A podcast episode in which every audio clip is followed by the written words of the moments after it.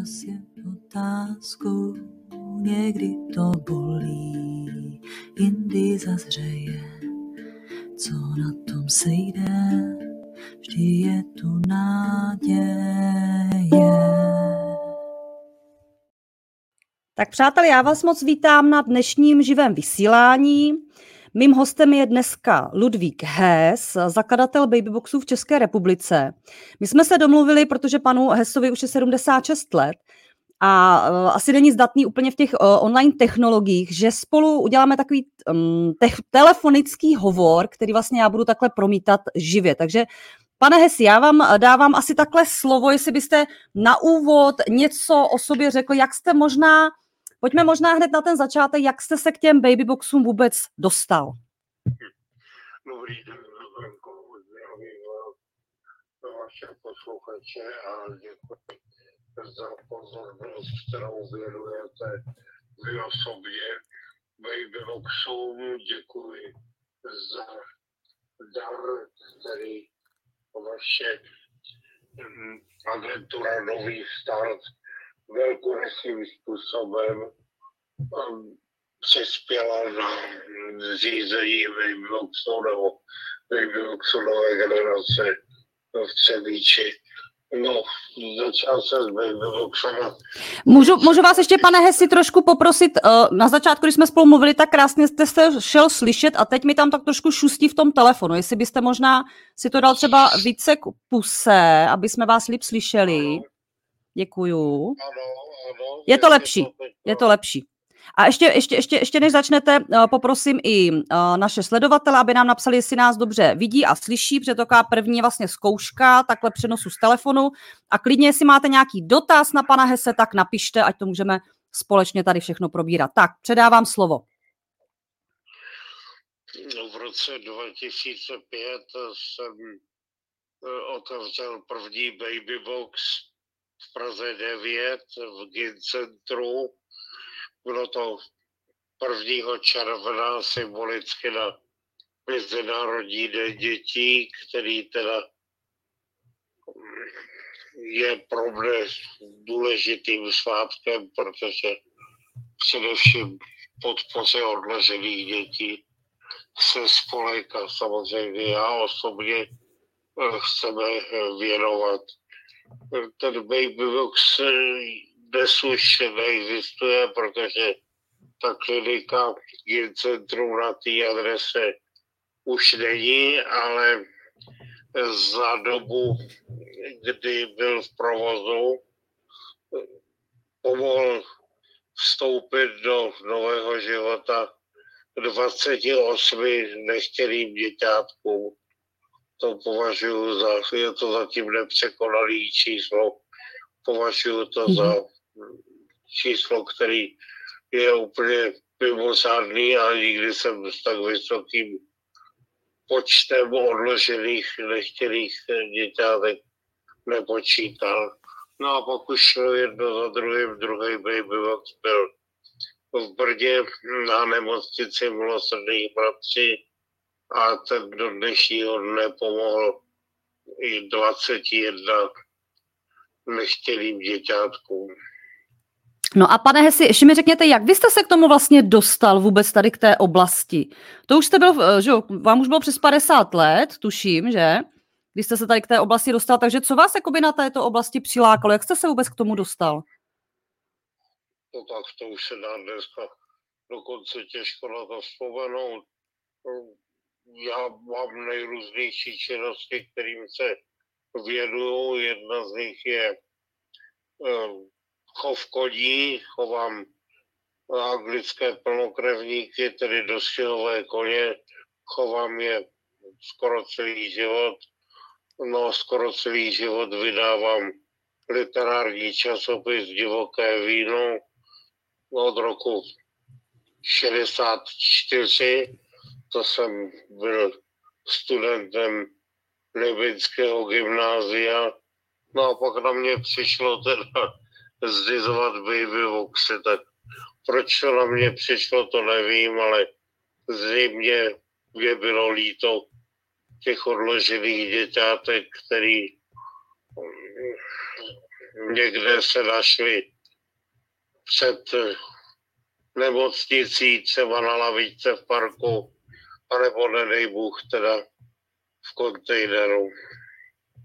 A vy jste měl nějakého parťáka takhle od začátku, anebo jako sám jste vlastně do té oblasti takhle prostě jako nějak eh, vešel a začal jste to řešit? No, samozřejmě, že nejrůznějších parťáků se vystřídalo několik. Eh, nakonec jsem dospěl k tomu současnému, kterým je Zdeněk Juzica z náměště Slavou, tedy kousek od vás, Třebíče.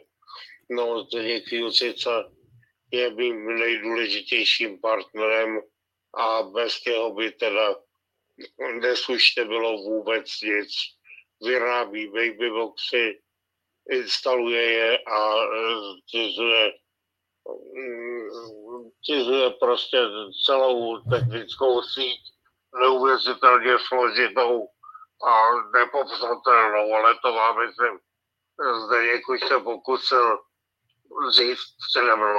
Ano, ano, já jsem tam u něho byla v té jeho eh, společnosti Monte udělala jsem tam reportáž, takže to sledovatelé najdou na webu spojení srdcem, jako je to opravdu sofistikovaná technologie, ten baby box a jde vidět, že pan Juřica k tomu prostě opravdu přistupuje tím srdcem. Jo, takže velmi hezky se mi tam natáčelo a moc bylo hezky jako nakouknout pod pokličku vlastně v té výrobně, jak se to tam celé skládá. A vy jste, teda, vy jste teda k tomu, vy jste měl nějakou jako inspiraci ze zahraničí, nebo jak, jak, jak jste jako narazil vlastně na to, že teda je tady nějaká forma babyboxů a potom takové nějaké první kontakty třeba s nemocnicema, nebo jak, jak, jak to jako začínalo vlastně? S kým, jste, s kým jste zahajoval vlastně tu spolupráci v rámci těch babyboxů v České republice? No tak já jsem uh, inspiraci měl historickou, protože babyboxy nebo jejich obdoba je záležitost, která je historická a počíná se stovky let zpátky.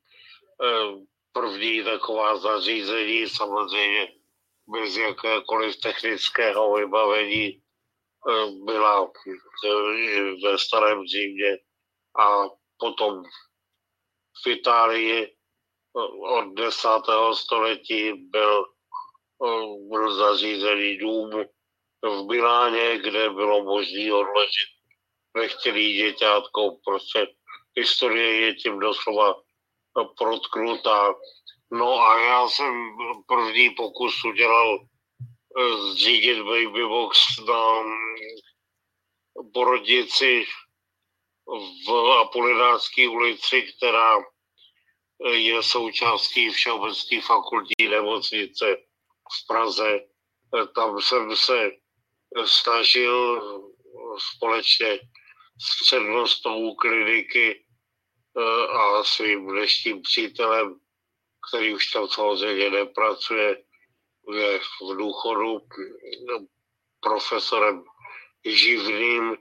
Tam jsem se snažil domluvit přednosta kliniky profesor Živný byl pro, ale tehdy bylo proti ministerstvo zdravotnictví, které shodou okolností řídila eh, Milana Everová, jež od chvíle, kdy byla, kdy byla eh, velkou odpůrkyní, se do dnešního dne eh, změnila na protagonistku a dneska jsme spolu, už je to taky stará dáma, je 79 let dokonce myslím, a dneska jsme spolu ve vztahu přátelském, dokonce tak, že mi nabídla, abychom si tykali a mohu ji považovat za protagonistku Baby Boxu, takže změnila názor ostatně jako mnozí jedí těch eh, odpůrců Baby Boxu dneska už by eh, se našlo opravdu málo a spočítali by se na prstech ne jedné, tak dvou rukou. A když jsme teda u těch odpůrců, protože já když jsem uh, prezentovala ten nějak, nějaké to naše vysílání i vlastně tu reportáž uh, z firmy Montel, tak se tam třeba v těch uh, skupinkách uh, náhradních rodičů, pěstounů, adoptivních rodičů objevilo docela dost komentářů právě těch odpůrců, kteří argumentovali tím, že vlastně ty babyboxy nepomáhají ve, skoč, ve, ve skutečnosti, že stejně ty děti, ty vražetkyně, eh, stejně jakoby někde zabíjí nebo pohodí, že, že nějaké ty statistiky, které teda já jsem eh, mimo jiné nikdy jakoby nenašla na žádném ministerstvu, všechno jsem to projížděla, nikde mi nic nevýždilo. Takže vyrukuji s tím, že podle těch statistik se vlastně nic jakoby nezměnilo, ale naopak, že přibylo to, že vlastně my díky babyboxům bereme tu identitu tomu dítěti. Tak jak se tady k tomu vlastně stavíte a jak se vám vlastně pomohlo tady uh, té vaší teď už uh, kolegyni a známé a možná přítelkyni uh, vlastně tou praxí nebo um, jak se, jak se vám vlastně po, povedlo, že ona zvrátila ten svůj názor z té odpůrkyně vlastně do, do toho příznivce? Byla tě Eberový, myslíte, jo? Ano, ano, ano. No, sešli jsme se osobně a e, zblížili jsme se, chvíli jsme spolu povídali a pak jsme, e, pak jsme našli společný názor.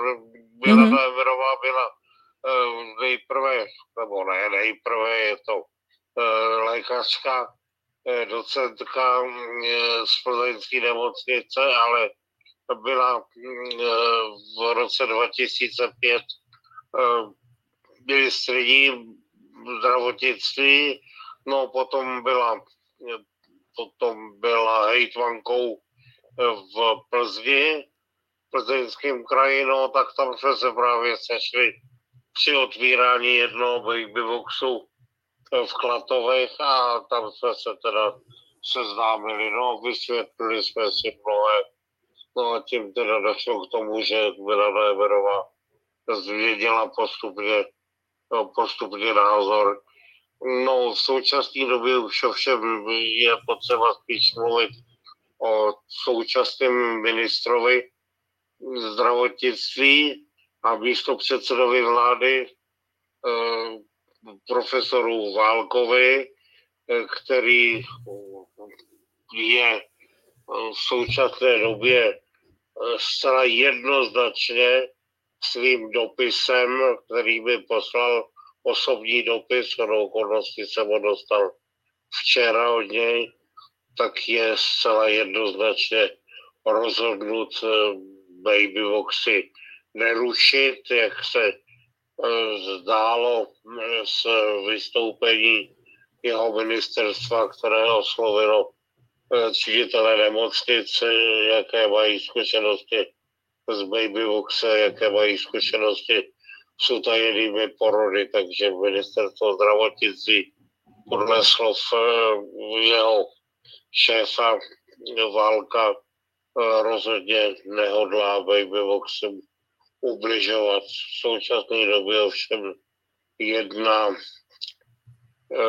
taky vládní výbor pro práva dítěte, který se snad naposledy sešel 6.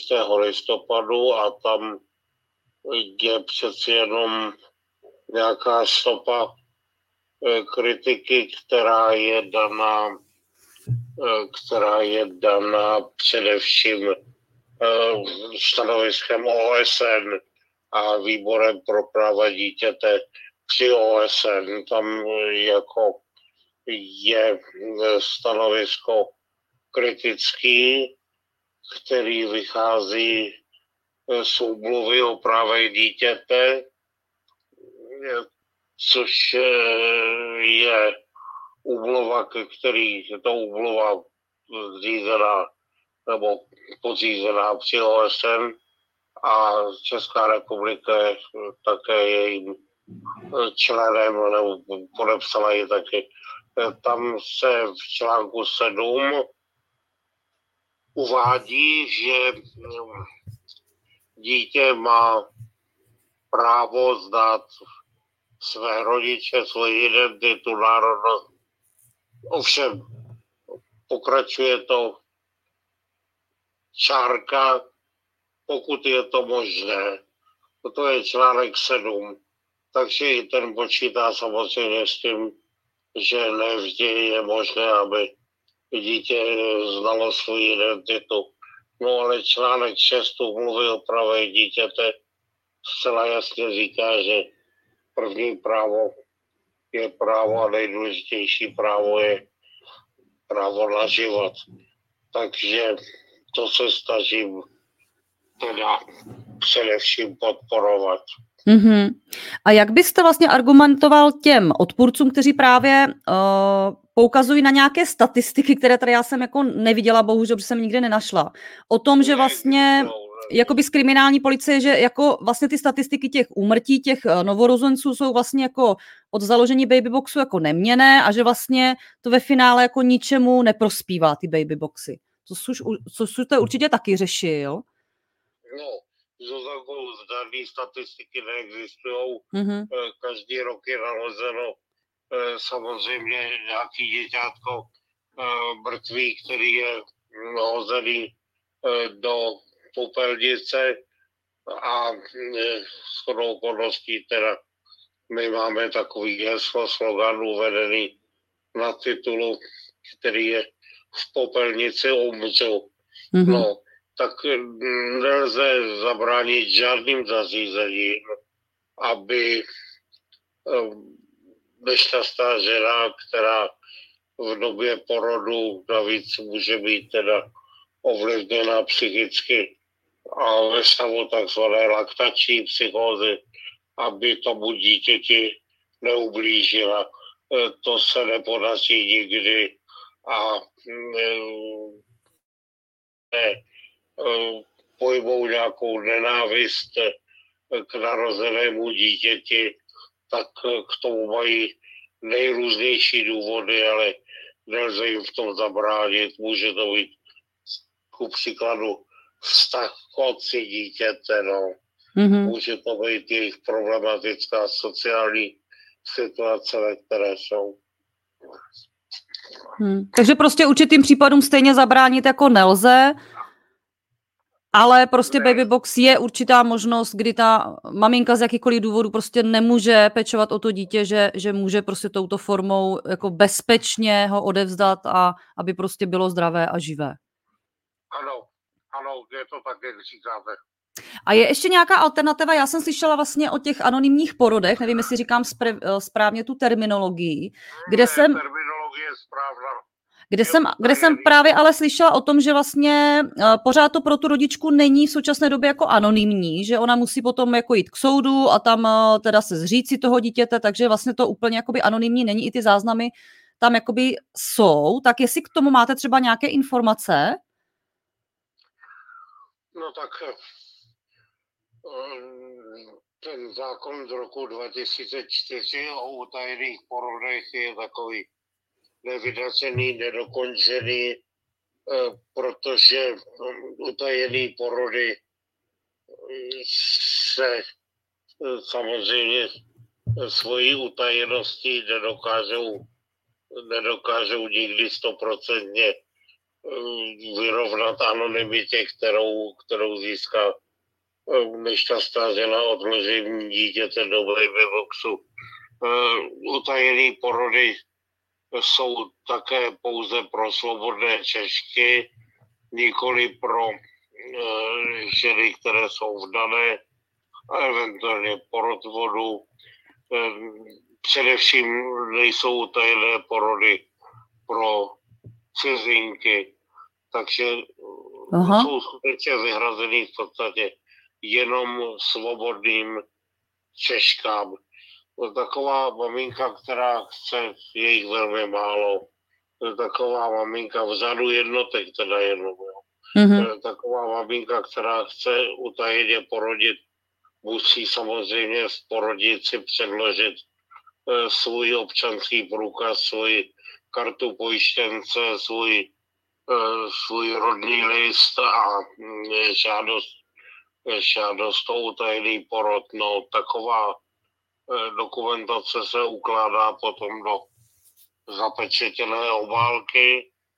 Ovšem po porodu eh, se zapečetěná obálka dává k dispozici k soudu, který tedy opatrovnický soud tu obálku samozřejmě otevře a tu matku musí předvolat, protože to, že se dítěte řekla u porodici, tak to zprávy důvodů vůbec nestačí. Je potřeba, aby se řekla teda u opatrovnického soudu. E, ta nešťastnice je vystavena řízení soudu, které je veřejné, kterého se zúčastní teda nejenom angažovaná veřejnost a eh, já nevím, třeba zájemci o probíhající řízení, ale taky především eh, potenciální budoucí adoptivní rodiče, takže tím mm-hmm. se ta maminka definitivně odhalí. Takže to je takový trošku i veřejný lynč pro ní, protože ona úplně odhalí, že teda se vzdává dítěte a je odhalena, odhalena prostě úplně, úplně, úplně. Ano, úplně odhalená. Hmm. A ona samozřejmě, když do toho záležitosti toho utajeného eh, porodu, v úvozovkách utajeného porodu, když do té záležitosti jde, tak eh, netuší, že eh, to skončí takovýmhle odhalením, to ona, to ona neví, v tom smyslu není informovaná Eh, to hmm. jsou informace, které eh, má člověk, který se o věc skutečně, eh, skutečně zajímá. No a já jsem je hmm. samozřejmě získal mnoha informacemi, které jsem, které jsem si naschromáždil v průběhu let, kdy se teda tyhle problematice věnují. Mm-hmm. Takže v podstatě ona je pak nepříjemně překvapená, co všechno ten utajený porod obnáší a může třeba i zadržovat vlastně, že, jo, že nechce jít třeba na to veřejné líčení, to znamená, že se to může jakoby všechno protahovat asi, ne? Potom případná třeba adopce. No tak uh, adopce se samozřejmě protahuje uh, na dlouhou dobu, může trvat rok, prostě mm-hmm. zatímco u dítěte odloženého do babyboxu je taková předběžná adopce, která je daná usnesením o předběžném opatření, teda to je terminus technicus, tak je daná v podstatě okamžitým neveřejným jednáním eh, opatrovnického soudce, který rozhodne na základě doporučení OSPOD, tedy orgánu sociální péče ochrany dítěte eh, o přidělení děťátka do péče nějakým budoucím rodičům, kteří se potom v průběhu řízení eh, stanou obvykle samozřejmě jo, mm-hmm. náhradními rodiči. A tam je asi ještě nějaká lhůta, kdy ta maminka si to může, nebo někdo třeba z příbuzných jako rozmyslet, předpokládám, nějaký tři měsíce, no. nebo jak to tam je? Ne, tak lhůta tam, lhůta tam není žádná. Aha. Pak když mluvíme o nějaké lhůtě nebo o nějakém termínu, do kdy si to může maminka odloženého dítěte eh, rozmyslet, tak by byla daná jedině eh, pravomocným, pravomocným rozsudkem, tedy získáním, získáním právní moci toho, toho rozsudku. To je teda definitivní okamžik, kdy už je e, celá záležitost pro ní nevratná. Mm-hmm, takže do té doby prostě dokavať ne, e, nepadne to pravomocné rozhodnutí teda o jako odebrání těch rodičovských práv a svěření ano. do adopce, tak pořád ještě do toho může buď teda maminka, anebo nějaký příbuzný vstoupit. Ano, může a skutečně, protože se mě v zápěti na to zeptáte, tak vám řeknu, že se stalo, že se zase v jednotek případů, to je, já nevím, do pěti eh, matek o dítě odložené do babyboxu eh, přihlásilo a pokud vím, tak eh, z části, z části uspěli, z mhm. části mm-hmm. neuspěli, protože se prokázalo, že jejich sociální situace není, není pevná a není příhodná k tomu. To byl, myslím, i ten případ toho nejstaršího dítěte, ne? Jestli se nepletu, to, dvo, to dvouleté, že se nějak potom ozvali nějací příbuzní, ne? Říkám to správně? No, no, no tak nejstarší děťátko odložené do baby boxu v Pelzimově, který mu teda skutečně už bylo teda ke dvěma rokům, tak bylo odloženo společně oběma rodiči, kteří už předtím odkládali své děti. Ty rodiče pocházeli od někat z Jižních Čech a vezli děťátko do Pelžimova, aby teda nějak zamaskovali stopu. Ale jeho dědeček toho děťátka, když se mediálně eh, dočetl, že je odložený dítě z Pelžimově, a že se mu ztratil vnuk, no tak pochopitelně eh, se přihlásil, že, že je teda vnukem toho dítěte, no, takže že je, že dědečkem toho dítěte. No, takže to děťátko já jsem tenkrát pojmenoval jo, Karel Zpěváček, mm-hmm. což je jméno mého přítele Karla Zpěváčka, existujícího muže, který dokonce shodou okolností dneska mluvil, protože se stará o přezutí e, mého automobilu na zimní pneumatiky. Je to vedoucí servisu Tukas tady v Praze v Štěrboholí. A jak to potom uh, dopadlo tady s tím uh, děťátkem, s tím, s tím chlapečkem? Nevím. Nevíte? Nevím, nevím. Ne. Víte, děti uh, odložených do babyboxu dnešnímu dní je 256. Ano. A jako není možné sledovat osudy všech dětí. No, tak a, a znáte, a znáte třeba některé osudy? Můžete třeba uh, říct nějaký příklad, třeba který znáte? Že ty nejstarší děti vlastně už, uh, ty, ty babyboxy jsou nějakých kolik? Uh, už 20 let, že? No tak 20 let jim není. První odložený děťátko byla holčička jménem Sonia odložila v Loubětině do Babyboxu v roce 2006. No, tak, mm-hmm. Takže byla narozená v roce 2006 a ta skutečně eh, byla odložena zcela průhledně, protože maminka k ním přiložila dokonce rodný list, takže si sama zkomplikovala život to děťátko mm, jí pracovníci osporu přesvědčili, aby si zase vzala zpátky. Ona si ho na krátkou dobu vzala. Bylo z dvojčat, ty děti byly dvě holčičky, narozený s chodou okolností v zemský porodnici v Apolinářský. No a pak se situace komplikovala tak, takže se přihlásila její rodina a pokud vím, tak se snad teda její rodina o tu soničku v současné době, v současné době stará. Ale e, ta maminka e,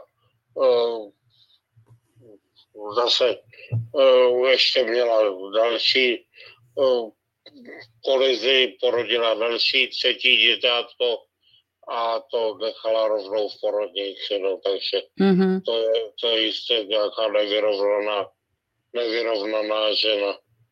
Mm-hmm. No, já se osobně, já se osobně znám a jedna z nejmilejších uh, děťátek odložených je holčička, která byla odložena jako první děťátko v Babyuxu v Kladně já jsem jí tenkrát pojmenoval, nebo dal jsem jí pracovní jméno Aneška Česká. Je, to krásný. No, no, tak to já dávám dětem pracovní jména, jako teda to byl Karel Zpěváček, tak mm-hmm. tohle byla Aneška Česká. No a poslední děťátko odložené do babyboxu eh, na Praze 6, který je instalovaný na radnici osmé děťátko radničí Davidské, tak jsem pojmenoval Libor a Davidský a Libor dostal jméno po mém příteli a rádci e, předsedovi po prezidentovi Soudcovské unie České republiky, doktoru Liboru Vávrovi. Takže jsem jméno Libor dal podle, podle Libora Vávry. No a to je 256. děťátko, které bylo pouze před několika dny odloženo. Eh, já se vrátím k holčičce, kterou jsem pojmenoval Aneška Česká. Eh, to je holčička, kterou se výdám, její eh, nahradí rodiče se mi přihlásili. Je to holčička, který dneska je asi 13-14 let. Jsme s ní ve velmi přátelském, doslova přátelském vztahu. Vydáme se, či je Eh, kousek, eh, kousek ode mě tady v středočeském kraji a eh, já nebudu říkat, jak se jmenuje, ale řeknu vám historku, která mě nejvíc dojela při posledním setkání s ní, že ke mně přistoupila, já jsem seděl na šidli, přistoupila ke mně ze zadu, no, objala mě a říkala mi, Ludvíku, mám tě ráda, no a mě samozřejmě vrkly slzy do očí. Tak to je hezký příběh. A můžu se zeptat, jestli máte třeba nějakou jako statistiku, aspoň takovou nějakou svojí, jak, jak, jestli třeba ty jména, který vy tam přidělíte, nebo třeba asi ty doktoři možná, nebo, nebo kdo ty děl, všechny jména jste přiděloval vy? Většinu jmén jsem přiděloval, bych neřekl, jsem, jsem prostě Eh, zapsal eh, do, eh, do kroniky Babyboxu já. Někdy jsem se přiklonil ke jménu, které dali děťátku v nemocnici, obvykle podle lékaře, který zrovna dítě ošetřoval jako první, nebo podle sestry, která dítě vyjmula z babyboxu. Tak ta jména jsou zcela pracovní, ale stalo se potom ty rodiče, kteří jsou náhradními rodiči, jste určitě jméno svý, no tak statistika je uvedena na internetových stránkách www.babybox.cz, psáno Babybox samozřejmě, a mm-hmm. tam je doslova, doslova detailní statistika a všechna děťátka uvedena, eh, včetně dat a, eh, a míst, kde, kde byla teda odložena, takže tam si případný zájemce může o, o, o tom děťátku najít ty základní informace. Ale asi tam člověk nenajde, jestli ty rodiče to děťátko už přejmenujou, že jo? Protože to by bylo už jakoby proti ne, nějakému jakoby GDPR, že? No to by, to by jako dělal ty jména těch děťátek, který dostanou potom od svých náhradních rodičů, samozřejmě nikdy neuváděl. Ano, ano. A, a je většina, většina rodičů, co ty děti přejmenují, protože třeba já osobně, pokud by to nebylo úplně nějaký šílený jméno, což si nemyslím, že dáváte nějaký úplně šílený jména, tak bych asi tomu děťátku to jméno jako nechala, jo? Třeba jako kdyby byla adoptivní rodič, tak by mě zajímalo, jestli většina jako těch rodičů přejmenovává ty děti, anebo i někteří, co, co třeba nechají to jméno? Já to nedokážu Nevíte. říct, ne. Mm-hmm vím zcela jistě, že část dětí eh, jméno, který jsem dal já, eh, jméno dál nese, ale část dětí je přejmenovaná, takže, ale zodpovědně to říct nedokážu, protože samozřejmě jsem to taky ne se všemi těmi dětmi odloženými sešel a seznámil. Mm-hmm, mm-hmm. A ještě mám dotaz na to, že co se potom třeba děje s těmi věcmi, když ta maminka právě třeba přiloží nějaký dopis, třeba jak je to vůbec častá věc, že ta maminka tam něco jakoby k tomu děťátku přiloží nějakýho plišáka, nějaký dopis, třeba rodný list. Je to jako častější, anebo častěji to děťátko je tam odloženo úplně bez, bez ničeho? Ne, e, to je samozřejmě celé výjimečný, ale u posledního děťátka třeba byl přiložený balíček plen, no tak co se s tím stane, Hmm. Zuzanko, teda nevím, Tak ale pleny to je asi, asi to není nic důležitého, ale třeba když tam je nějaký plišáček, jo, nebo prostě třeba právě nějaký dopis, nebo rodnej list, jestli, jestli se tomu dítěti to jakoby nechává, nebo jak se s tím třeba dál pracuje tady s těma věcma, jako pleny, tak to je jasný. rodný list byl přiložený eh, jenom jednou Aha, a to právě u prvního děťátka, u té u té Soničky, která byla odložená v roce 2006, takže to je celá mhm, výjimečná záležitost a dopisy se taky nepřekládají. mhm, A když tak je to eh, dopis, který je vzkazem jenom třeba dvouslovným, já nevím, z Bohajma nebo promiň a tak podobně. jo, není to, že by ta maminka se vy, vypsala ze svých pocitů, ne, Ne, ne, ne, nic takového. to jsem měla trošku asi naivní představu, takže spíše opravdu, Ale ne, někdy, hm, někdy se stane, že se ta maminka už před odloženým dítětem eh, třeba spojí se mnou a píše mi nějaký, eh, nějaký maily, eh, tak to se, to se stává, tam mě vysvětluje, do jaký situace sociální se dostala. To se stane, no.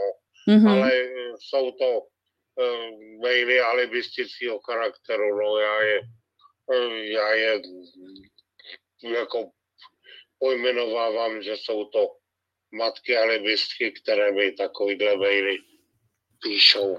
A, je, a, se nějak prostě, a pracuje se potom s tím nějak dál, když jako to maminka se vlastně ozve vám, to znamená, že vy na ní máte Ne, kontakt, Ne. Ne. Ne, já na ní kontakt obvykle nemám, to je kontakt jenom na její mailovou adresu. mhm. A vy s tím už potom nějak dál nepracujete, že byste to třeba předal osporu nebo něco takového? Ne, Ne. To berete jako Ne, čistě soukromou věc, že vám píše prostě nějak... Ne, já ani dokonce eh, musím přiznat, nemám zájem na tom, aby se eh, identita eh, rodičů prokázala, protože to všechno by potom zdržovalo proces adopce. A já osobně mám zájem, aby eh, byla adopce provedena co nejrychleji, protože na jedné straně jsou tady eh, rozpolcený rodiče nebo matky, který nevědí, co s dítětem. Na druhou stranu jsou tady rodiče, kteří očekávají mm, děťátko a přejí si je dlouhou dobu a nemůžou si je sami, nedokážou je sami mít, no. takže ty samozřejmě zaručují eh, větší jistotu tomu, tomu děťátku. Hmm. Taky ne stoprocentní. A jak potom vnímáte právě identitu toho dítěte, když už potom vyroste a vlastně, protože u těch babyboxů, nebo vůbec, jako když to dítě je odložený prostě nějak anonymně, je to velmi jako složitý pro ty děti, jo? že prostě oni potom vlastně neví, odkud jako pocházejí. Je, uh, jak to třeba vy vnímáte z vašeho pohledu, jestli třeba kdyby se s váma skontaktovalo nějaké takovéhle jako dítě, jestli byste třeba ještě jako dohledal nějaké staré e-maily třeba od, od nějaké maminky, nebo, nebo, nebo jak, jak to vidíte tady, tady tohleto? Já bych tomu děťátku, které by se mi ozvalo, a samo děťátko, že by se mi ozvalo, to se nestalo. Mhm, Ozývají se mi jenom jeho náhradní rodiče. mhm, Eh, Já bych tomu dítěti se nekomplikoval život. Eh, Ty děti většinou vědí, že jsou z babyboxu, ale stává se, že rodiče jim to neřeknou, ale všeobecně doporučuji, aby to ty děti věděli. Jo, že, je, že jako, protože my vlastně v zákoně už máme, že musíme jako adoptivní rodiče to sdělovat těm dětem, takže tohle asi jim teda sdělí, ale třeba jim nezdělí teda, že byli v babyboxu, jo? Chápu to správně. No, tak můžou, jí, můžou jim sdělit, můžou jim sdělit, co chtějí, ale Mhm. uh, není, není to jejich uh, povinností. Uh, já to ovšem doporučuji, aby ty děti věděli, že jsou, že jsou teda nalezený v babyboxu. Mhm. A oni tím nikterak netrpějí. S těmi, s kterými jsem mluvil, tak jsem teda nepozoroval, že by měli z toho nějaký problém, spíš cítějí určitou výjimečnost. To ano, ale já třeba my mám spoustu rozhovorů jako s adoptovanými, už teďko dospělými, kteří třeba už jako hledají ty své kořeny a ačkoliv třeba ten příběh nedopadne dobře, že třeba teď zrovna jsem měla mm, vysílání minulý týden s Terezou Navrátilou, která napsala i knížku jako Liči, docela známá jakoby v České republice, a ona vlastně te, tu maminku kontaktovala, píše to i v té, v té své knize a ona ji teda jakoby odmítla ta maminka, jo, že prostě je to strašně komplikovaný a že se jako nechce scházet a tak. Ale jakoby měla opravdu tu vnitřní potřebu prostě se jakoby dozvědět třeba proč, jo, že ty děti eh, jim asi nejde až tak o to třeba jakoby se potkat s tím rodičem, prostě většinou nechtějí zasahovat jako do toho života, jak do svýho, tak jakoby do, do, do, do života toho, toho třeba rodiče, ale třeba je velmi jako trápí taková ta otázka, proč mě jakoby odložili. Jo, že to si myslím, že je taková jako otázka, která vlastně, když ten to dítě nebo ten dospělý už potom, když takhle vyroste, si to v sobě nese, že to může být takový docela jakoby tíživý, nebo jak, jak se na to díváte? No tak nemyslím si, že by je to tolik tížilo, ale samozřejmě je to individuální věc, víte, ale e, já jako svůj úkol e, tady především vidím e, zřídit e, babyboxy všude tam, kde ano. ještě nejsou, aby ta nešťastnice, která to dítě nechce, měla to k tomu babyboxu co možná nejblíž. No. Chápu, chápu. Já, já chápu, že vy vlastně tu identitu, že to už je věc, kterou vy jakoby ne, nejste schopný prostě nějak jako řešit, jo? že ne. vy zachraňujete ne. prostě ty životy v, tý pr- v první línii, ale pak už prostě bohužel to dál ne, nedokážete Samozřejmě. ovlivnit. No. Ano, těch lidí, kteří se na tom pak podílejí, je prostě více a já teda určitě nejsem z těch, který by eh, zajišťovali eh, znalost identity dětem, eh, který jsou odložený do babyboxu a, a taky už mi na to ani nezbyde čas vzhledem k mému věku pokročilému, jak jste řekla, tak je by 76 let a už toho mnoho asi ve svém životě nevyřídím. já vás teda jako obdivuju, že v, v tomhle pokročilém věku, protože já mám tatínka, který mu je 73 let, a ten už si tak jako užívá toho důchodu, už nic neřeší, takže vás jako velmi obdivuju, že v tomhle pokročilém věku to prostě pořád jste schopný jakoby řešit a orientovat se ve všem a, a vlastně budovat ty, ty nové babyboxy, jo, takže máte teda jako mm, smekám před váma, jo, že pořád se tomu jako věnujete. Ano, Stazíka chvála těší. Nicméně si ji nezaslouží. já myslím, že si ji zasloužíte určitě. A já, já jsem se ještě chtěla zeptat na to financování těch babyboxů, protože spoustu lidí, a vlastně i mě překvapilo, když jste mě oslovili vlastně o ten finanční dár, že ty babyboxy vlastně jsou hrazený pouze jakoby z darů od dárců. Jo? Já jsem si prostě nějak naivně myslela, že si to vlastně ty jako nemocnice vyžádají a že si to i zaplatí a že to je vlastně placený jo, z nějakých příspěvkových organizací a prostě potažmo ze státu. A to teda jsem zjistila, že ne, tak pojď, pojďte mi popovídat, kdo je vlastně zadavatelem těm babyboxu, jestli ta nemocnice se jakoby vám ozve, jo, my bychom tady rádi babybox, nebo my bychom rádi vyměnili za ten nový typ a, a teď jakoby jak se vlastně zhání ty peníze. No tak to se ví, že by se nemocnice nějak zase ozývali to ne, ale mm-hmm. třeba Třebíčská nemocnice měla eh, zájem na tom, aby Babybox byl nový, ale především to pozná eh, Zdeněk Juřica, který při eh, kontrolách a pravidelných technických revizích toho Babyboxu zjistil, že už Babybox dávno není v pořádku. Mm-hmm. Já jsem původní první fázi jsem zřídil 46 babyboxů eh, původních bedínek, teda z nich dneska už je eh, v provozu jenom čtyři nebo pět. A ty v nejbližší době samozřejmě vyměním ta Třebícká eh, jedna z posledních z nich. A ve chvíli, kdy se rozhodnu ten babybox buď zřídit nový nebo vyměnit, tak eh, požádám, eh, požádám eh, potenciální dárce, což jsou především regionální, regionální podnikatele, tak jako jste to byla ku příkladu vy a vaše mm-hmm. agentura Nový start, tak požádám je, takže je zjistím na internetu vyhledáme na internetu a požádáme o finanční dar. No a dejme tomu 1% oslovených eh, vyhoví a na těch finančních darech je eh, to potom postavený. Tady v případě Třebíckého eh, Babyboxu je hlavním a největším dárcem můj tradiční mecenáš a manželé Jana a Karel Severinovi z Brna a jejich eh, firma St. Lucas. To jsou lidé mého věku, jsou to přátelé, kteří sponzorovali už eh, celou řadu babyboxů. No a pak jsou to regionální eh, firmy a regionální živnostníci a ku příkladu agentura Nový start je jeden z nich. Z těch darů se poskládá na ty náklady toho babyboxu, ale nejenom na náklady, ale i na provoz volku, protože provoz volku taky něco stojí.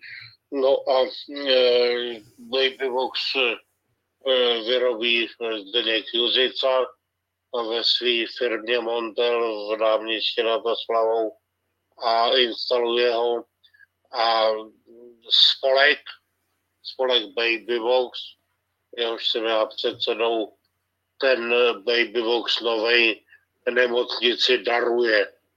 Nemocnice, nemocnice zajišťuje jeho provoz v tom smyslu, že jednou týdně provádí kontrolu, jestli Babybox je funkční.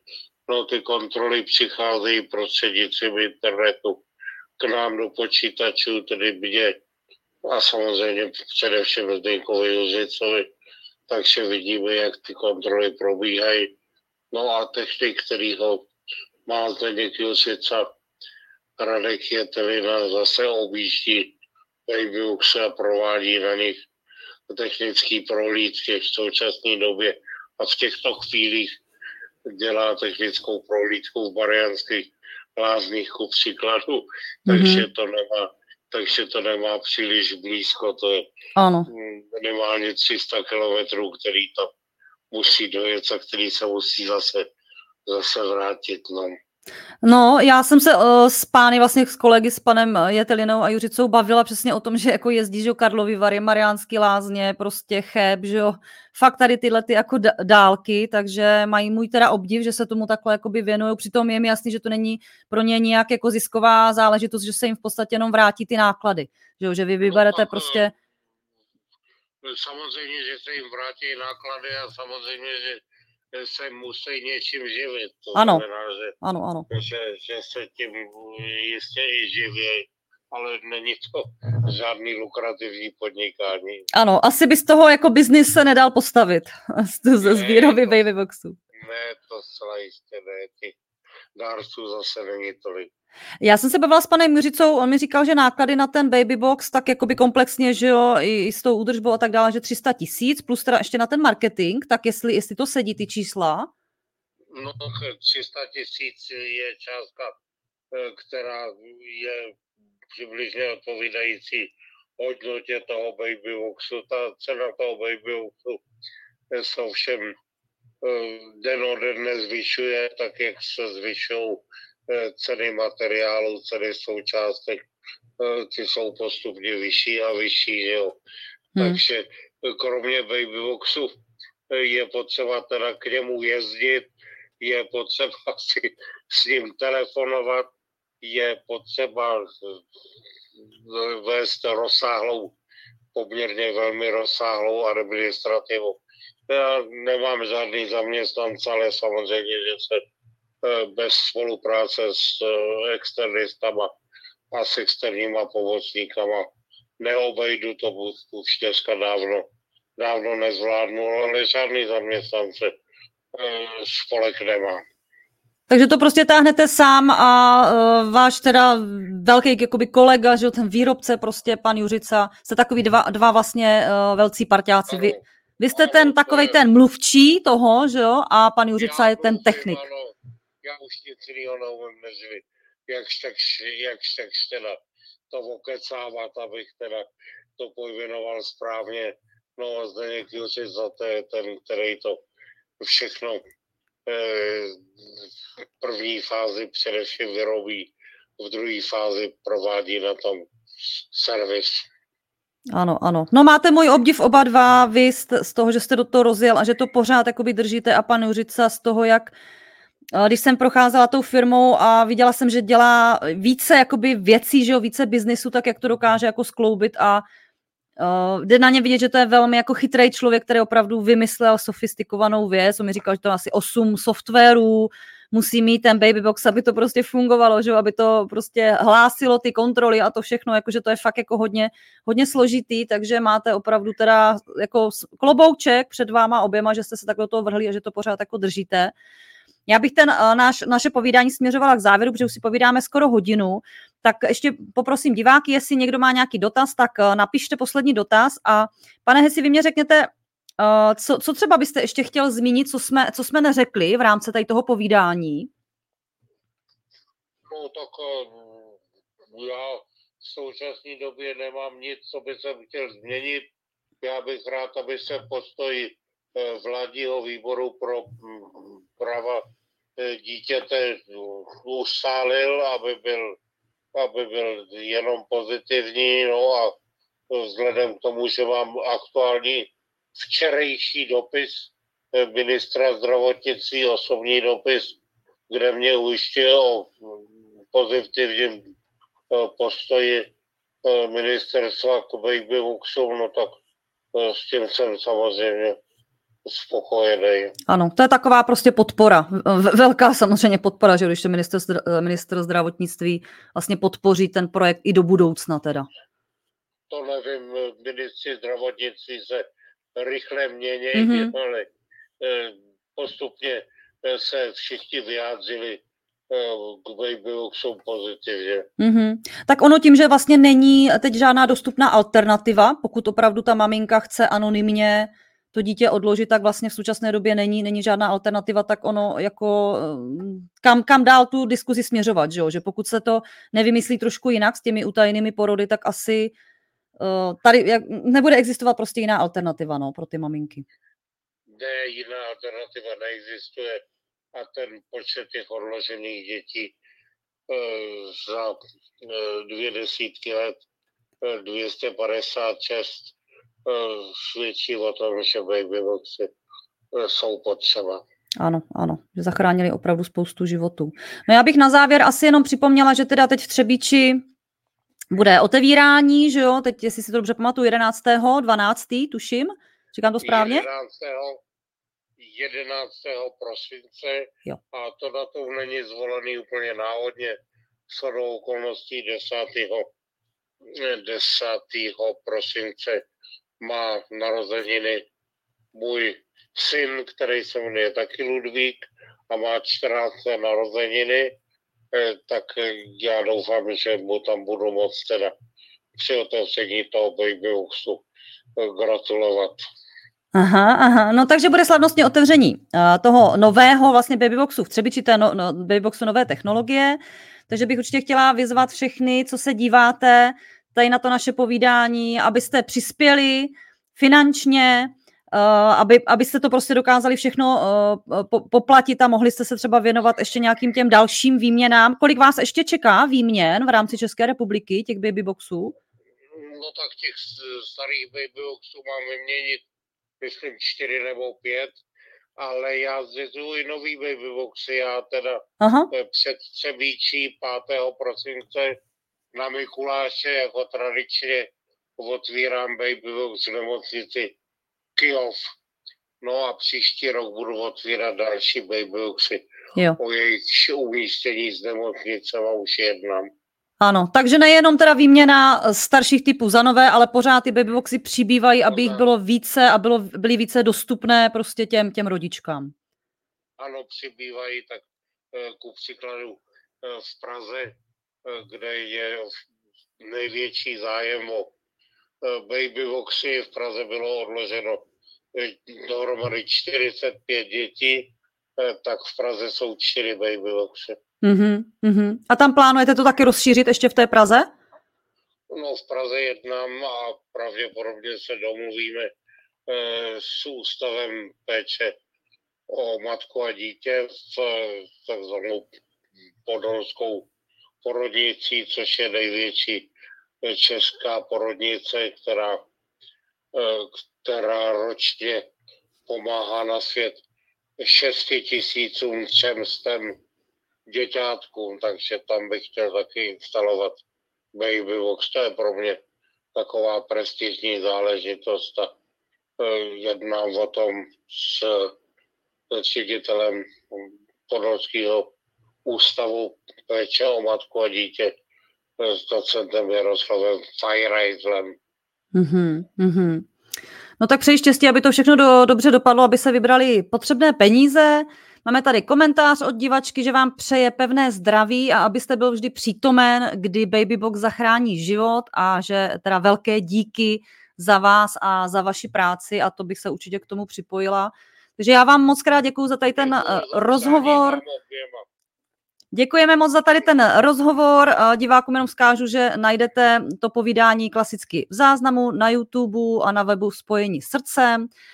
Pane Hesi, moc krát děkuji za, za to naše povídání. Přeji mnoho zdaru, mnoho zdravíčka, abyste těch babyboxů ještě dokázal spoustu instalovat a vyměnit a aby mohli zachránit prostě další životy. Tak se mějte krásně a já se budu těšit na té otvíračce v Třebiči, kde se uvidíme osobně osobně, ano. ano. E, tak vám poděkuju a teď vám děkuju za pozornost, kterou teda Babyboxu věnujete i za dar, který vaše firma e, Babyboxu dala a je to velkorysý dar. Vůbec není zač, já dělám prostě věci tak, jak cítím, takže stejně tak jsem k tomu přistoupila i v tomto případě. Takže tak. Takže se mějte krásně, užijte si den a budu se těšit osobně. Naschledanou. Naschledanou.